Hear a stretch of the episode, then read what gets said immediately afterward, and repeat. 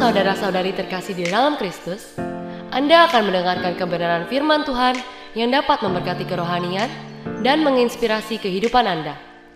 Dari GBI House of Prayer, selamat mendengarkan.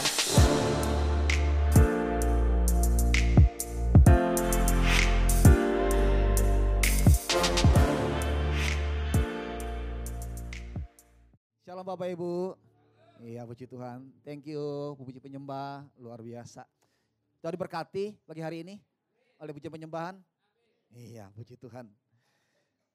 Iya kita sudah masuk di bulan yang baru di bulan September. Iya dan ada pesan yang baru juga untuk setiap kita. Pesan baru bukan berarti pesan yang lama kita lupakan ya Bapak Ibu ya. Iya bukan berarti yang lama-lama tuh yang Tuhan sudah berikan kita lupakan. Enggak. Iya tetap kita lakukan, iya, tetap kita jalankan pesan Tuhan yang sebelum-sebelumnya dan yang baru ini pun juga Tuhan tambahkan setiap kita untuk kita lakukan lebih lagi. Iya, setelah kemarin kita belajar tentang bagaimana kita menjadi orang berintegritas dan sekarang Bapak Ibu Tuhan kasih sesuatu setiap kita. Ya sebelum dia naik ke sorga, sebelum dia meninggalkan murid-muridnya, ada pesan yang sampaikan kepada murid-muridnya. Ada yang tahu Bapak Ibu pesannya apa? suatu amanat yang Tuhan berikan kepada murid-muridnya. Dan kalau kita muridnya Bapak Ibu, iya berarti pesannya juga untuk setiap kita semua. Amin. Siapa pernah mendengar pesan amanat agung Tuhan Yesus? Iya. Sebelum dia naik ke sorga, ada pesan yang sampaikan kepada murid-muridnya untuk dilakukan. Dan ini harus dilakukan Bapak Ibu. Ini bukan pilihan, iya, tapi ini suatu keharusan yang harus dilakukan oleh murid-murid Tuhan Yesus. Dan oleh kalau kita murid itu juga, ini pun juga harus kita lakukan juga. Ya, the Great Commission. Nih ya, amanat agung Tuhan Yesus. Ini perintah Tuhan untuk setiap murid-muridnya. Dan ini menjadi tema kita di bulan ini Bapak Ibu. Bulan September. Amanat agung Tuhan Yesus. The Great Commission.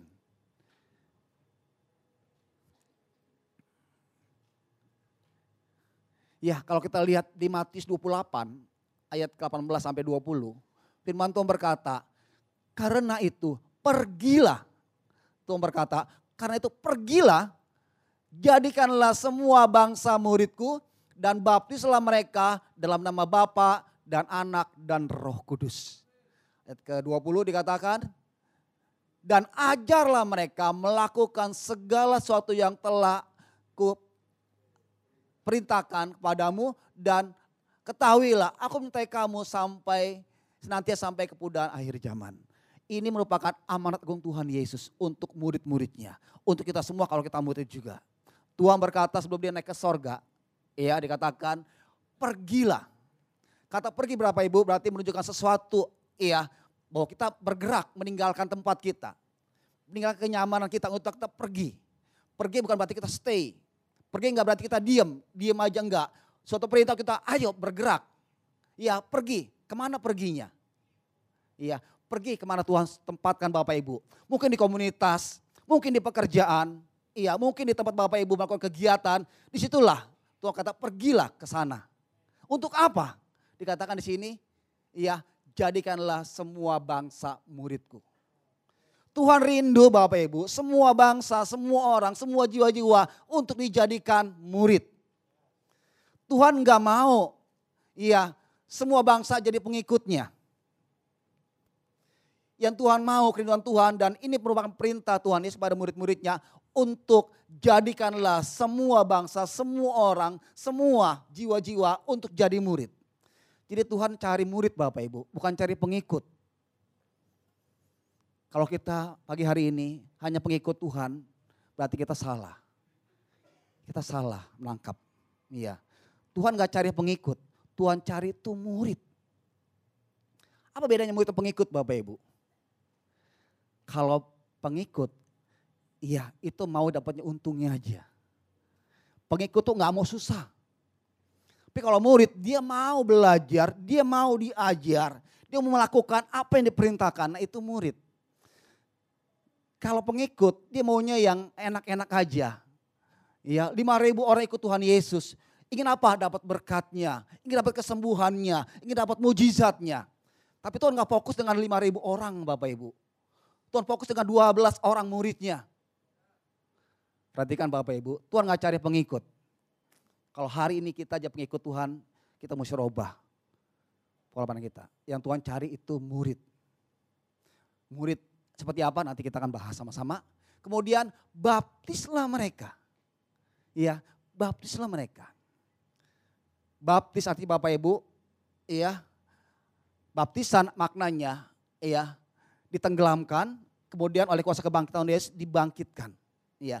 Jadi melalui baptisan manusia lama kita itu akan dikuburkan dan oleh kuasa kebangkitan Yesus akan dibangkitkan bersama-sama dengan Tuhan Yesus. Di Roma 6 ayat 3 ya sampai 4 dikatakan ya melalui baptisan lah manusia lama kita akan dikuburkan.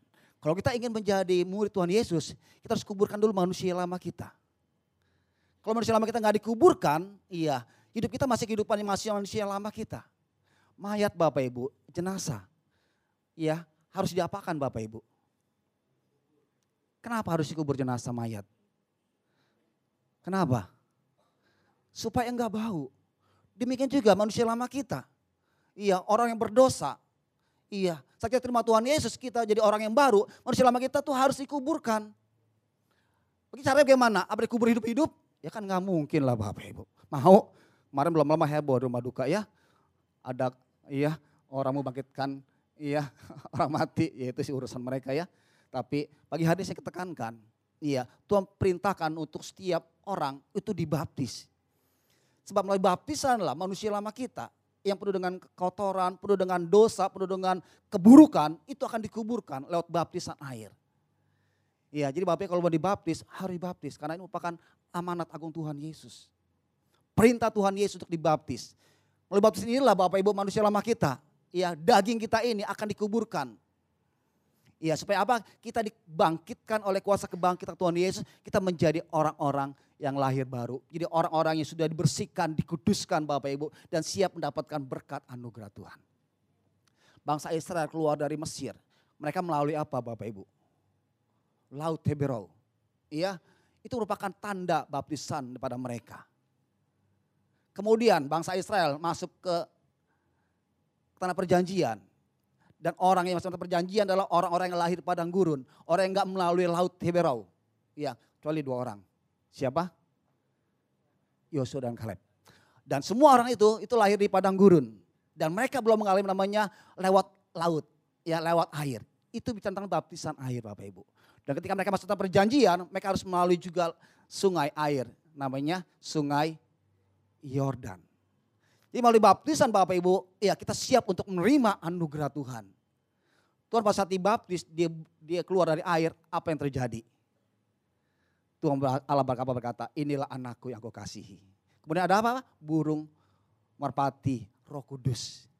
Setiap kita Bapak Ibu yang sudah dibaptis, ya kita akan dipenuhi oleh roh kudus. Kita akan siap diberkati oleh karunia-karunia Rio. Dan kita diberkati siap dengan berkat-berkatnya Allah. Karena itu Tuhan bilang, ya baptislah mereka. Jadi baptisan Bapak Ibu bukan perintah dari pendeta atau gereja. Perhatikan, baptisan itu bukan iya kemauan kehendak daripada gereja. Iya, tapi baptisan merupakan kehendak daripada Tuhan sendiri. Katakan pergilah, baptislah mereka. Nah Tuhan aja Yesus ketika di dunia ini dibaptis. Kenapa? Karena dia manusia. Sebagai manusia dia tahu apa kehendak Bapa itu dibaptis. Demikian juga Bapak Ibu, kalau kita bilang kita ada anak-anaknya Tuhan, kita muridnya Tuhan, kita harus melakukan apa yang Tuhan perintahkan. Ada yang belum dibaptis? Hari ini ada baptisan Bapak Ibu. Pasca kebetul ya, ya kebetulan hari ini ada baptisan. Jadi kalau Bapak belum dibaptis, ayo dibaptislah. Ya karena merupakan ini amanat agung Tuhan Yesus. Ya supaya manusia lama kita dikuburkan dan oleh kuasa kebangkitan kita akan dibangkitkan dan kita hidup dalam manusia yang baru. Hidup yang dalam berkat-berkat yang baru. Hidup dalam karunia-karunia yang baru. Karena itulah, ya pergilah. Jadikan muridku dan baptis mereka dalam nama Bapa dan Anak dan Roh Kudus. Kemudian Bapak Ibu dikatakan, ajarlah mereka untuk melakukan segala sesuatu yang telah kuperintahkan. Banyak orang ya Bapak Ibu yang ketika sudah dibaptis selesai, senang. Wah gue dibaptis selesai nih jadi anak Tuhan. Stop sampai di situ. Iya, padahal ada berikut perintahnya, ajarlah mereka. Apa diajarkan? Yang Tuhan sudah perintahkan, Ini susah saja pada mereka. Banyak orang-orang yang dibaptis, banyak orang yang terima Tuhan, tapi kehidupan mereka nggak menjadi kehidupan yang penuh dengan berkatnya Allah. Penuh dengan anugerah Allah. Kenapa? Sebab mereka stop hanya sampai di baptisan. Kestop hanya sebagai ya pengikut. Dan Tuhan bilang, jadilah murid dan ajarlah mereka. Ajarlah mereka apa yang diajarkan. Ajarlah apa yang aku ajarkan kepadamu. Ketika Tuhan tiga setengah tahun di dunia ini Bapak Ibu, iya, dia impas waktu, impas waktu, impaskan waktunya, iya, bersama dengan murid-muridnya untuk mengajar mereka. Iya, sebab ini penting banget Bapak Ibu untuk murid-muridnya. Iya, Tiga setengah tahun dia bersama dengan murid-muridnya, tinggal bersama dengan mereka, hidup bersama dengan mereka, Bapak Ibu. Supaya apa? Mereka dia Tuhan mengajarkan bagaimana kehidupan ia sebagai warga kerajaan sorga. Hidupan daripada karakternya Allah. Padahal kan ada hukum Taurat, ya, ada hukum Musa, Bapak Ibu. Itu kan harusnya cukup untuk mereka murid-muridnya itu belajar. Tapi enggak, itu enggak cukup. Karena itulah tiga setengah tahun dia impas waktukan untuk mengajar murid-muridnya. Dan ini yang harus dilakukan oleh murid-murid Tuhan untuk membagikan apa yang mereka sudah dapatkan dari Tuhan Yesus, membagikannya kepada ya murid-muridnya lagi. Iya, supaya apa? Amanat Tuhan Yesus itu boleh terjadi di kenapi. Jadi Bapak Ibu ini perintah Tuhan Yesus bukan perintah iya untuk orang banyak tapi untuk murid-muridnya. Dan saya percaya di tempat ini adalah murid-murid Tuhan Yesus. Yang ngerti katakan amin. Iya.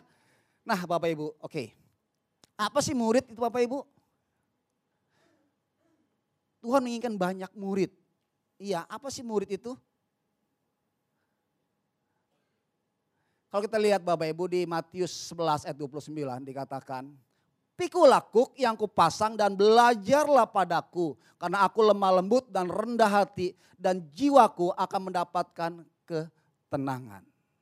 Dikatakan di sini, pikul lakuk. Bapak Ibu tahu kuk? Bapak Ibu pernah lihat sap kebo yang membajak sawah? Ya, orang kota jarang lihat sawah kali ya. Nanti kapan-kapan kalau liburan pergilah ya ke yang tempat ada sawahnya. Iya. nah, biasa ada kerbau yang membajak dan biasa di punuknya tuh ada ini. Ada namanya kayak kayu gitu loh. Tampilin mungkin ada bisa tampilin gambarnya. Ada. Iya Bapak Ibu ada bak. Nah ini Bapak Ibu. Nah itu kayu itu namanya kuk. Iya. Nah kuk ini dikendalikan oleh si petaninya. Iya. Iya mau ke kiri. Ke kiri itu dikendalikan oleh petaninya.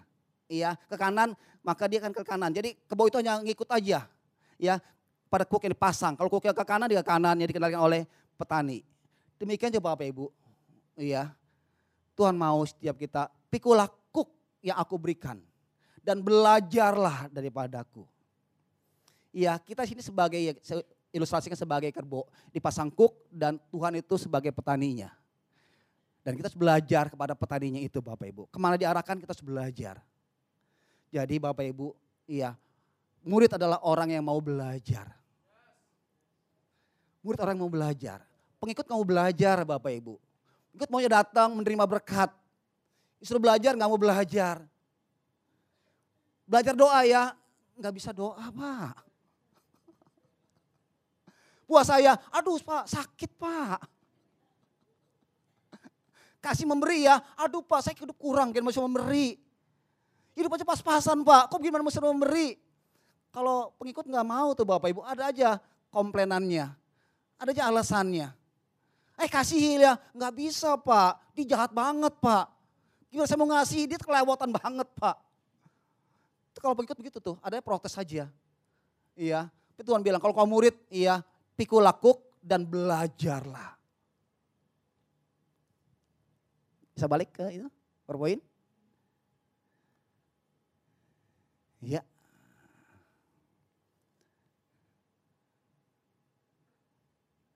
Kemudian di Markus 6 ayat 1 dikatakan, Kemudian Yesus berangkat dari situ dan tiba di tempat asalnya sedang murid-muridnya mengikuti dia. Iya. Kemudian Yesus berangkat dari situ dan tiba tempat asalnya sedang murid-muridnya mengikuti dia. Murid berapa ibu artinya apa? orang yang mengikuti Tuhan Yesus. Ya, jadi murid selain dia belajar kepada Tuhan, juga dia mengikuti apa yang dilakukan oleh Tuhan, oleh Tuhan Yesus. Jadi kalau saya boleh artikan simpulkan, iya murid, iya adalah seorang Kristen yang memutuskan untuk mau mengikuti Yesus, mau belajar, mau hidup sesuai dengan kehendaknya. Ini yang Tuhan cari murid Bapak Ibu. Yang memutuskan hidupnya untuk mau belajar, mau mengikuti Tuhan, mau melakukan apa yang Tuhan perintahkan. Sesuai dengan kehendaknya dia. Coba cek kita. Kita murid bukan? Ada enggak di situ kita? Mau ikut Tuhan, menyerahkan diri kita kepada Tuhan. Mau belajar, mau melakukan kehendak Tuhan. Kalau kita murid kita pasti ada Statement itu buat kita semua. Yang Tuhan cari murid Bapak Ibu, bukannya pengikut. Iya, apa dengan murid inilah Bapak Ibu maka iya amanat agung Tuhan Yesus bisa terjadi digenapi atas semua jiwa-jiwa.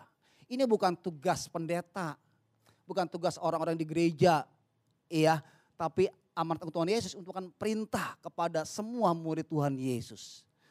Dia di gereja, dia di mana pun juga, pergilah Artinya apa? Pergi ke mana? Ditempatkan kita.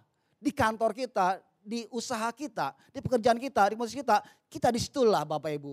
Iya, harus menjadikan jiwa-jiwa itu kenal Tuhan. Ya, jangan baptis mereka. Weh Pak, saya sudah baptis teman saya Pak. Iya, teman kantor loh Pak, saya baptis dia loh. Wah senang, selesai. Bulan depan dibalik lagi kehidupan yang lama. Kenapa? Sebab kita stop sampai di kita membaptis dia. Enggak mengajarkan dia. Murid adalah mau mengajarkan ya dan mau belajar.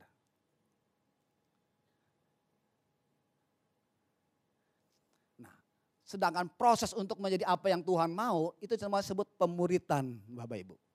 Iya. Murid adalah orang yang mau belajar, menyerahkan hidup kepada Tuhan, mengikuti Tuhan, melakukan apa yang Tuhan perintahkan, dan mencapai goal itu, itu disebut namanya prosesnya pemuridan. Iya, Muridan adalah suatu proses untuk menjadi seorang murid yang bertumbuh semakin serupa dengan Kristus, dilatih supaya dapat menjadi serupa dengan Kristus. Seorang murid dia mau dimuridkan. Dia akan mengalami namanya proses pemuridan Bapak Ibu. Dimuridkan untuk memuridkan. Ini menjadi tema khotbah saya Bapak Ibu. Karena tanpa dimuridkan, iya kita nggak bisa menjadi iya murid yang baik. Tanpa melalui pemuritan, kita nggak bisa melakukan amanat untuk Tuhan Yesus. Ya, karena itu kita mau dimuridkan supaya apa? Kita juga memuridkan juga. Supaya goalnya, ya jiwa-jiwa dimenangkan, itu boleh terjadi. Kalau selama ini kita belum dimuridkan, belum jadi murid, pagi hari ini pesan untuk setiap kita semua, ayo Bapak Ibu, jangan jadi follower. Jangan jadi follower, Betul ya follower ya? jadi jadi agak galau nih. Iya, jadilah murid Tuhan. Iya, yang siap mau mengikut Tuhan sepenuh hati, yang siap mau belajar, siap mau diajar, dan siap juga untuk mau juga memuridkan juga.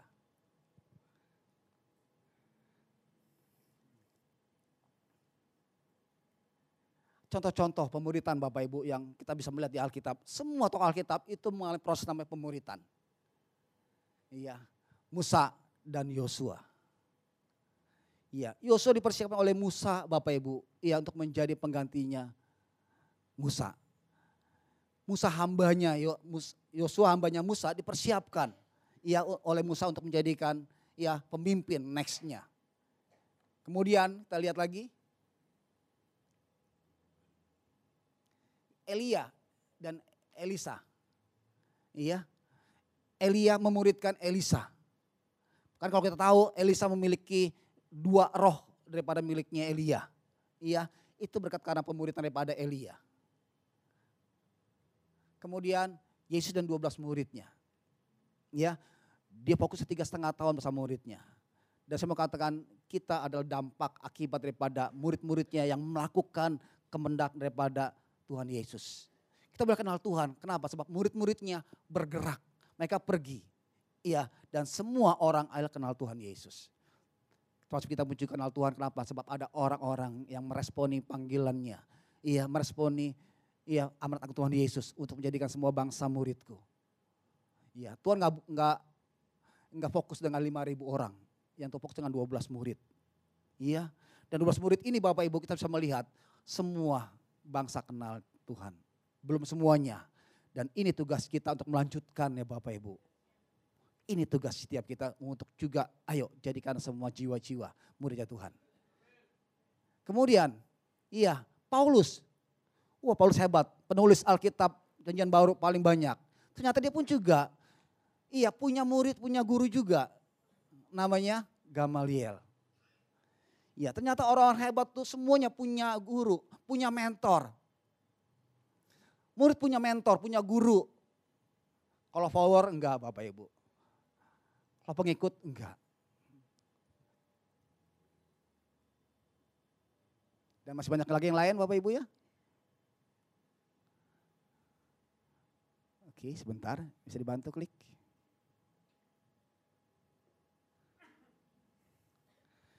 Ya jadi kita perlu untuk mengalami namanya proses pemuritan.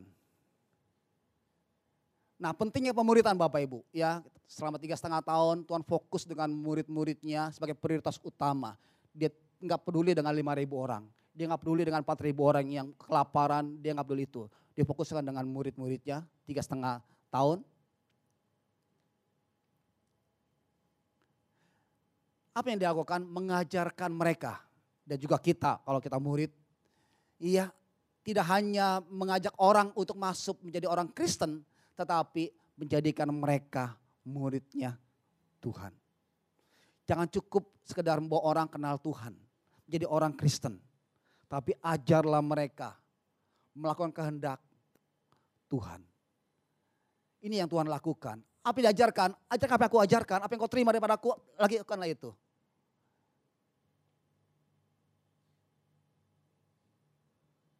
Oke. Bisa dibantu?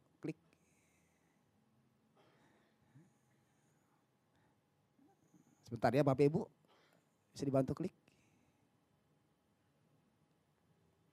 Iya, jadi pemuritan adalah metode yang optimal untuk memenangkan dunia bagi Allah. Metode lain boleh, tapi yang paling optimal, yang paling iya bisa berhasil, sukses adalah dengan memuridkan Bapak Ibu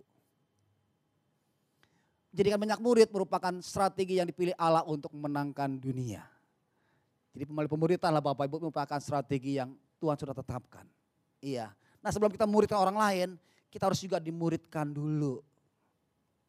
Sebelum kita muridkan orang lain, sebelum kita muridkan banyak jiwa-jiwa, kita harus punya juga ya mentor atau orang yang mau memuridkan kita. Tanpa murid, tanpa dimuridkan, kita akan menjadi liar Bapak Ibu tanpa guru kita akan menjadi orang-orang yang saya katakan kebablasan.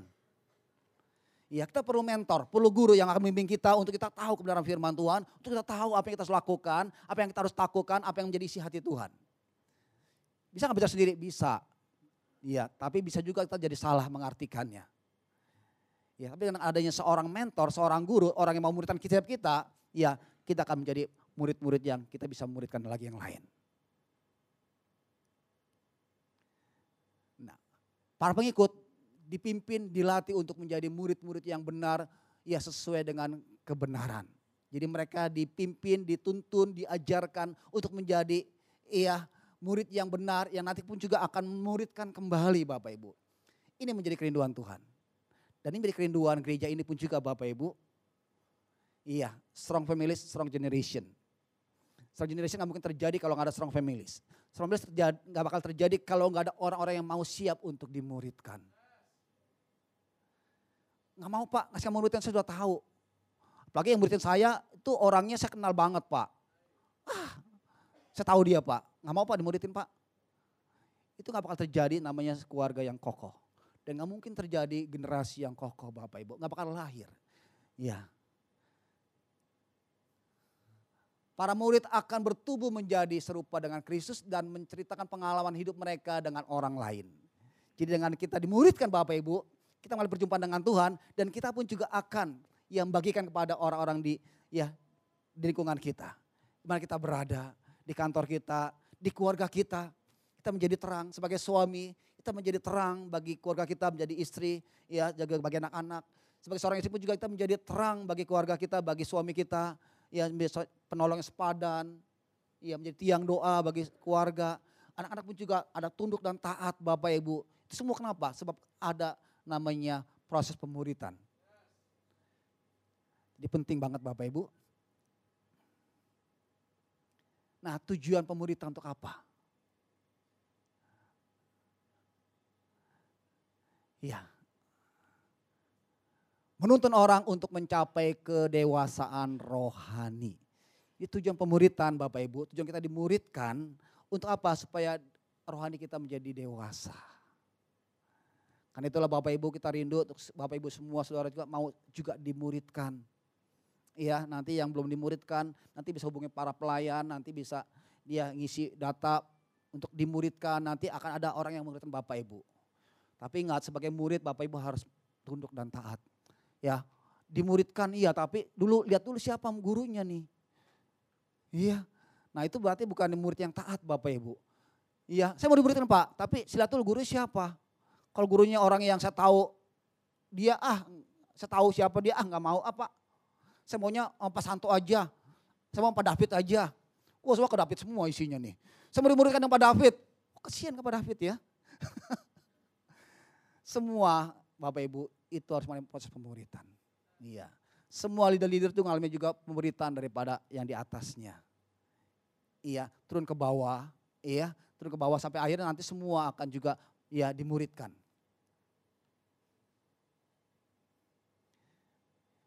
Kedewasaan rohani tidak didapat secara otomatis. Ya, walaupun usia bertambah, pengetahuan bertambah, pengalaman bertambah, itu kedewasaan rohani itu enggak ada kaitannya dengan usia dengan pengetahuan, iya dengan pengalaman. Iya, dewasa rohani boleh terjadi karena ada namanya proses pemuritan. Iya, jangan pikir saya udah tua pak, nggak perlu dimuritin lagi. Iya, itu nggak hubungannya bapak ibu. Iya, usia bertambah belum tentu dia dewasa rohani. Nggak jaminan dia tua dewasa rohaninya. Ya, kalau dia nggak dimuridkan itu dia bunga malam ya pendewasaan rohani.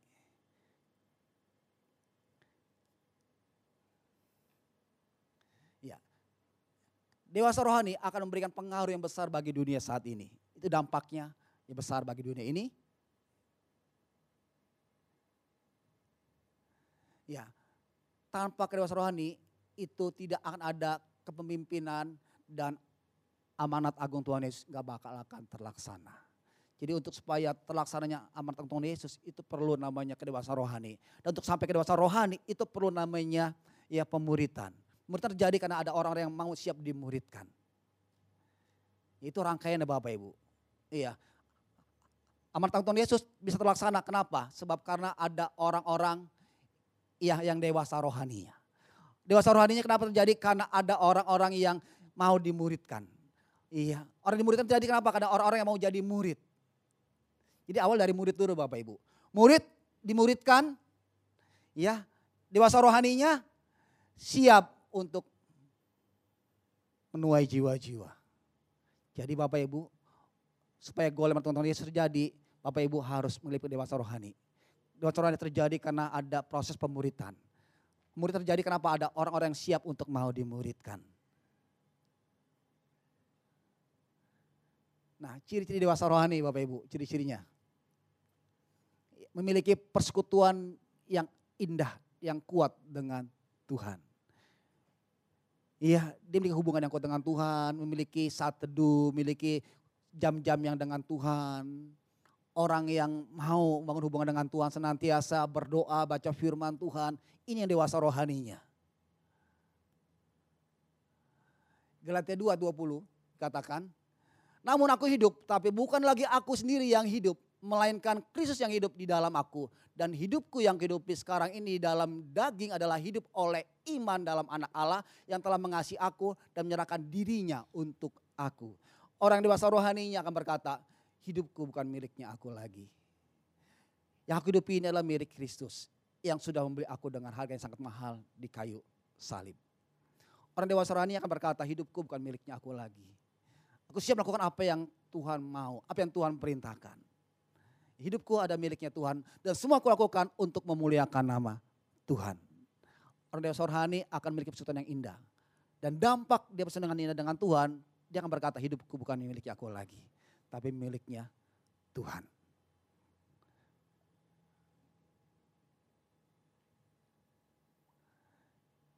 Iya, ciri lagi berikutnya Bapak Ibu menjadi serupa dengan Kristus. Dikatakan 1 Yohanes 2 ayat 6, barang siapa mengatakan bahwa ia ada dalam dia, ia wajib hidup sama seperti Kristus telah hidup. Orang dewasa rohaninya akan menjadi serupa dengan Kristus. Bagaimana caranya? Dengan melakukan apa yang juga Tuhan lakukan. Iya, Tuhan lakukan apa? Dia lakukan. Tuhan mengasihi, dia akan kasihi. Tuhan memberi, dia akan beri juga. Tuhan perintahkan mengampuni, dia akan mengampuni. Jadi apa yang Tuhan perintahkan akan dia lakukan. Iya, dia wajib sama seperti apa yang Tuhan hidupi. Yang berikutnya Bapak Ibu, buah roh. Kita sudah hafal ya. Orang dewasa rohani pasti akan memiliki buah roh. Ada kasih, ada sukacita, ada damai sejahtera, ada kesabaran, kemurahan, kebaikan, kesetiaan, kemalembutan, penguasaan diri. Orang dewasa rohani akan memiliki buah roh. Iya, buah roh. Ya hidupnya akan menjadi penuh dengan sukacita, penuh dengan kasih. Kalaupun mungkin dia dijaili atau di, dijahati, dia tetap sukacita. Karena sukacita dia nggak terpengaruh daripada lingkungan, tapi daripada Allah. Iya, hidup dengan kemurahan, dalam kesabaran, iya penguasaan diri, setia, itu dampak orang-orang dewasa rohaninya.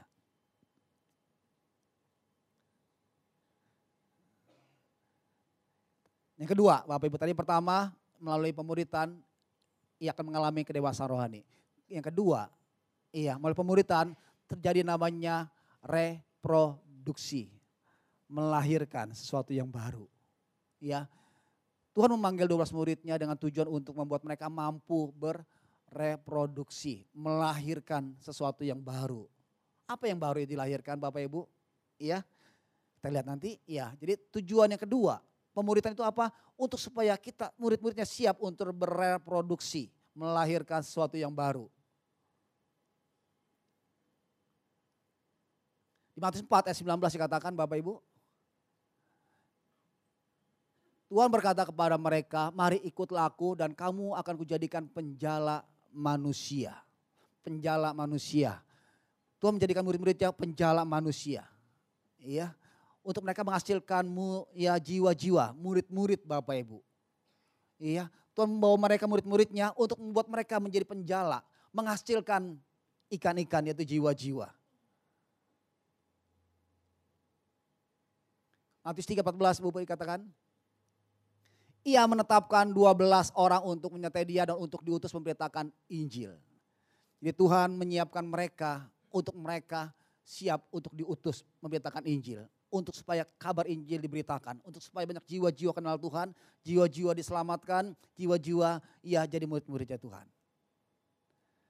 Jadi yang kedua Bapak pemuritan apa? Untuk ya setiap muridnya bersiap untuk bereproduksi. Di 2 Timotius 2 ayat kedua dikatakan, apa yang telah engkau dengar daripadaku dengan banyak saksi, percayakan itu kepada orang-orang yang dapat dipercaya yang juga cakap untuk mengajar orang lain. Ini proses pemuritan Bapak Ibu terjadi. Iya, ada empat generasi di sini Bapak Ibu yang kita bisa melihat.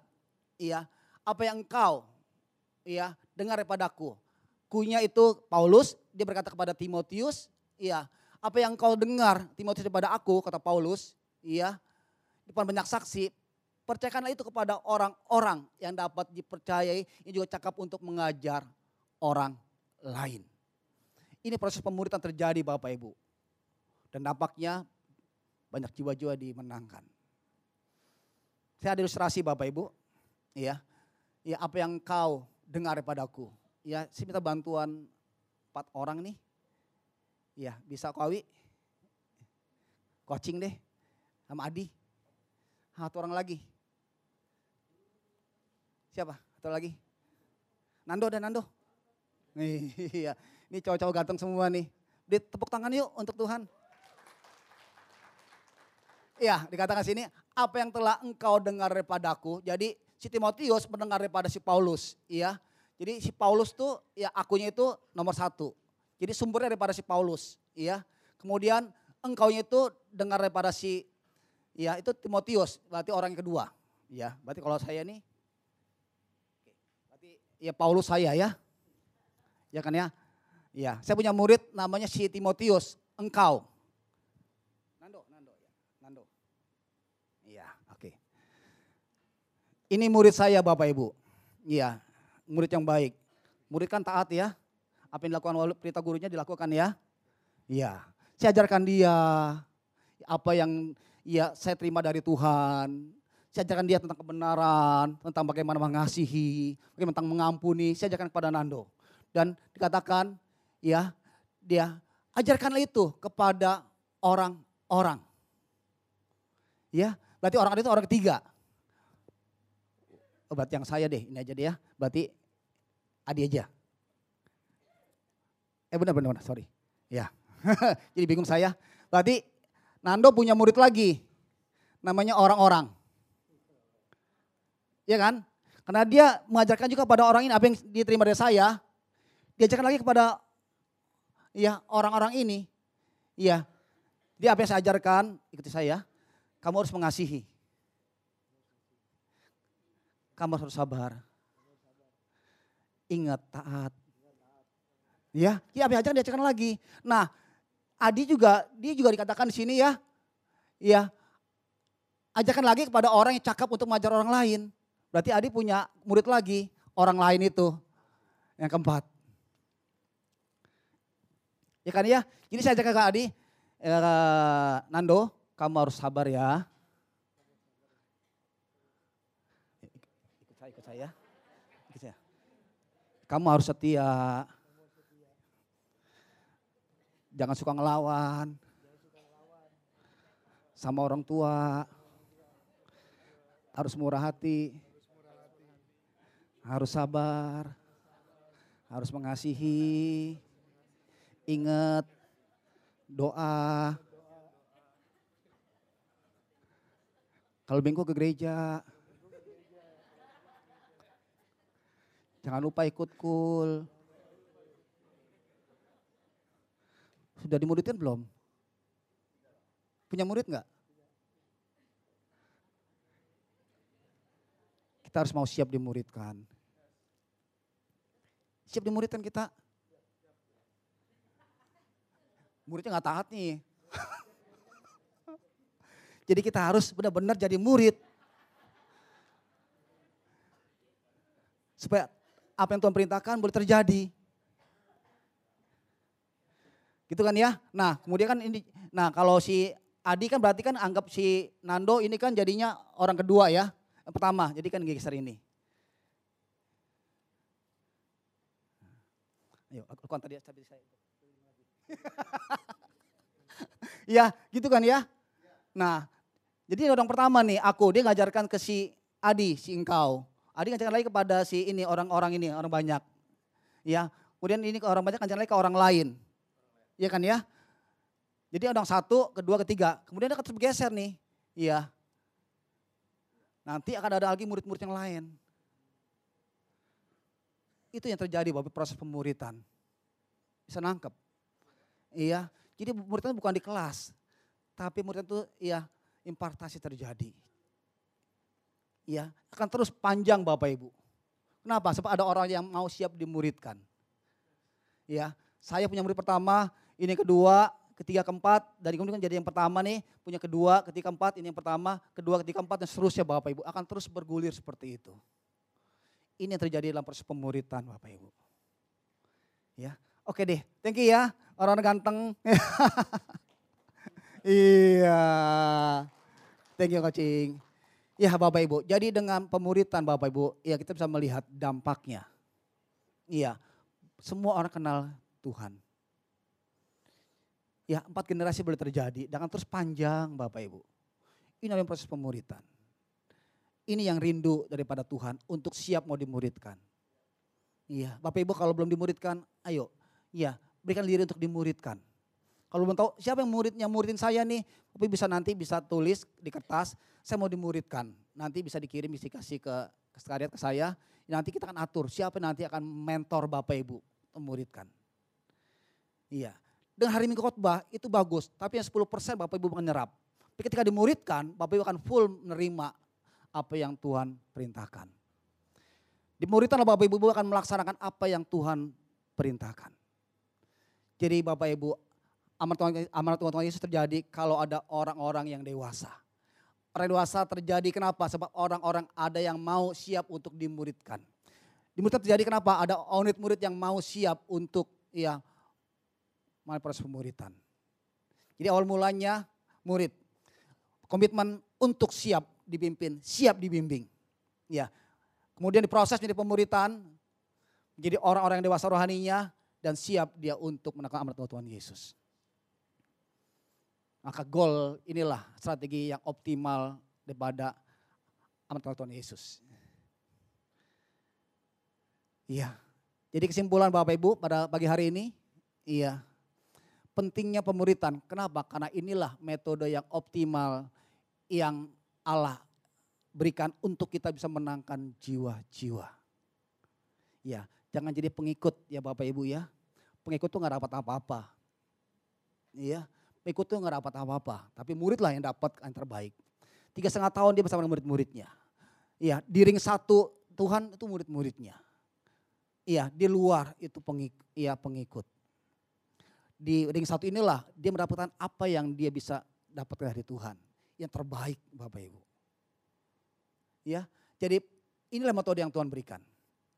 Kemudian, ya melalui pemuritan orang akan dituntun untuk mengalami namanya kedewasaan rohani. Iya, dia akan siap untuk dia melakukan amat Tuhan Yesus. Ketika ada masalah, persoalan orang dewasa rohaninya nggak gampang nyerah.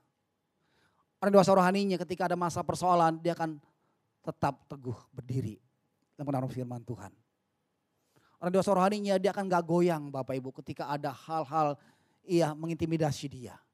Ada hal-hal yang pengajaran-pengajaran yang baru yang mungkin membingungkan, dia akan tetap ia percaya. Kenapa? Dia memiliki kedewasaan rohani. Dan kemudian apa? Akan terjadi namanya reproduksi. Amin. Ini yang Tuhan mau.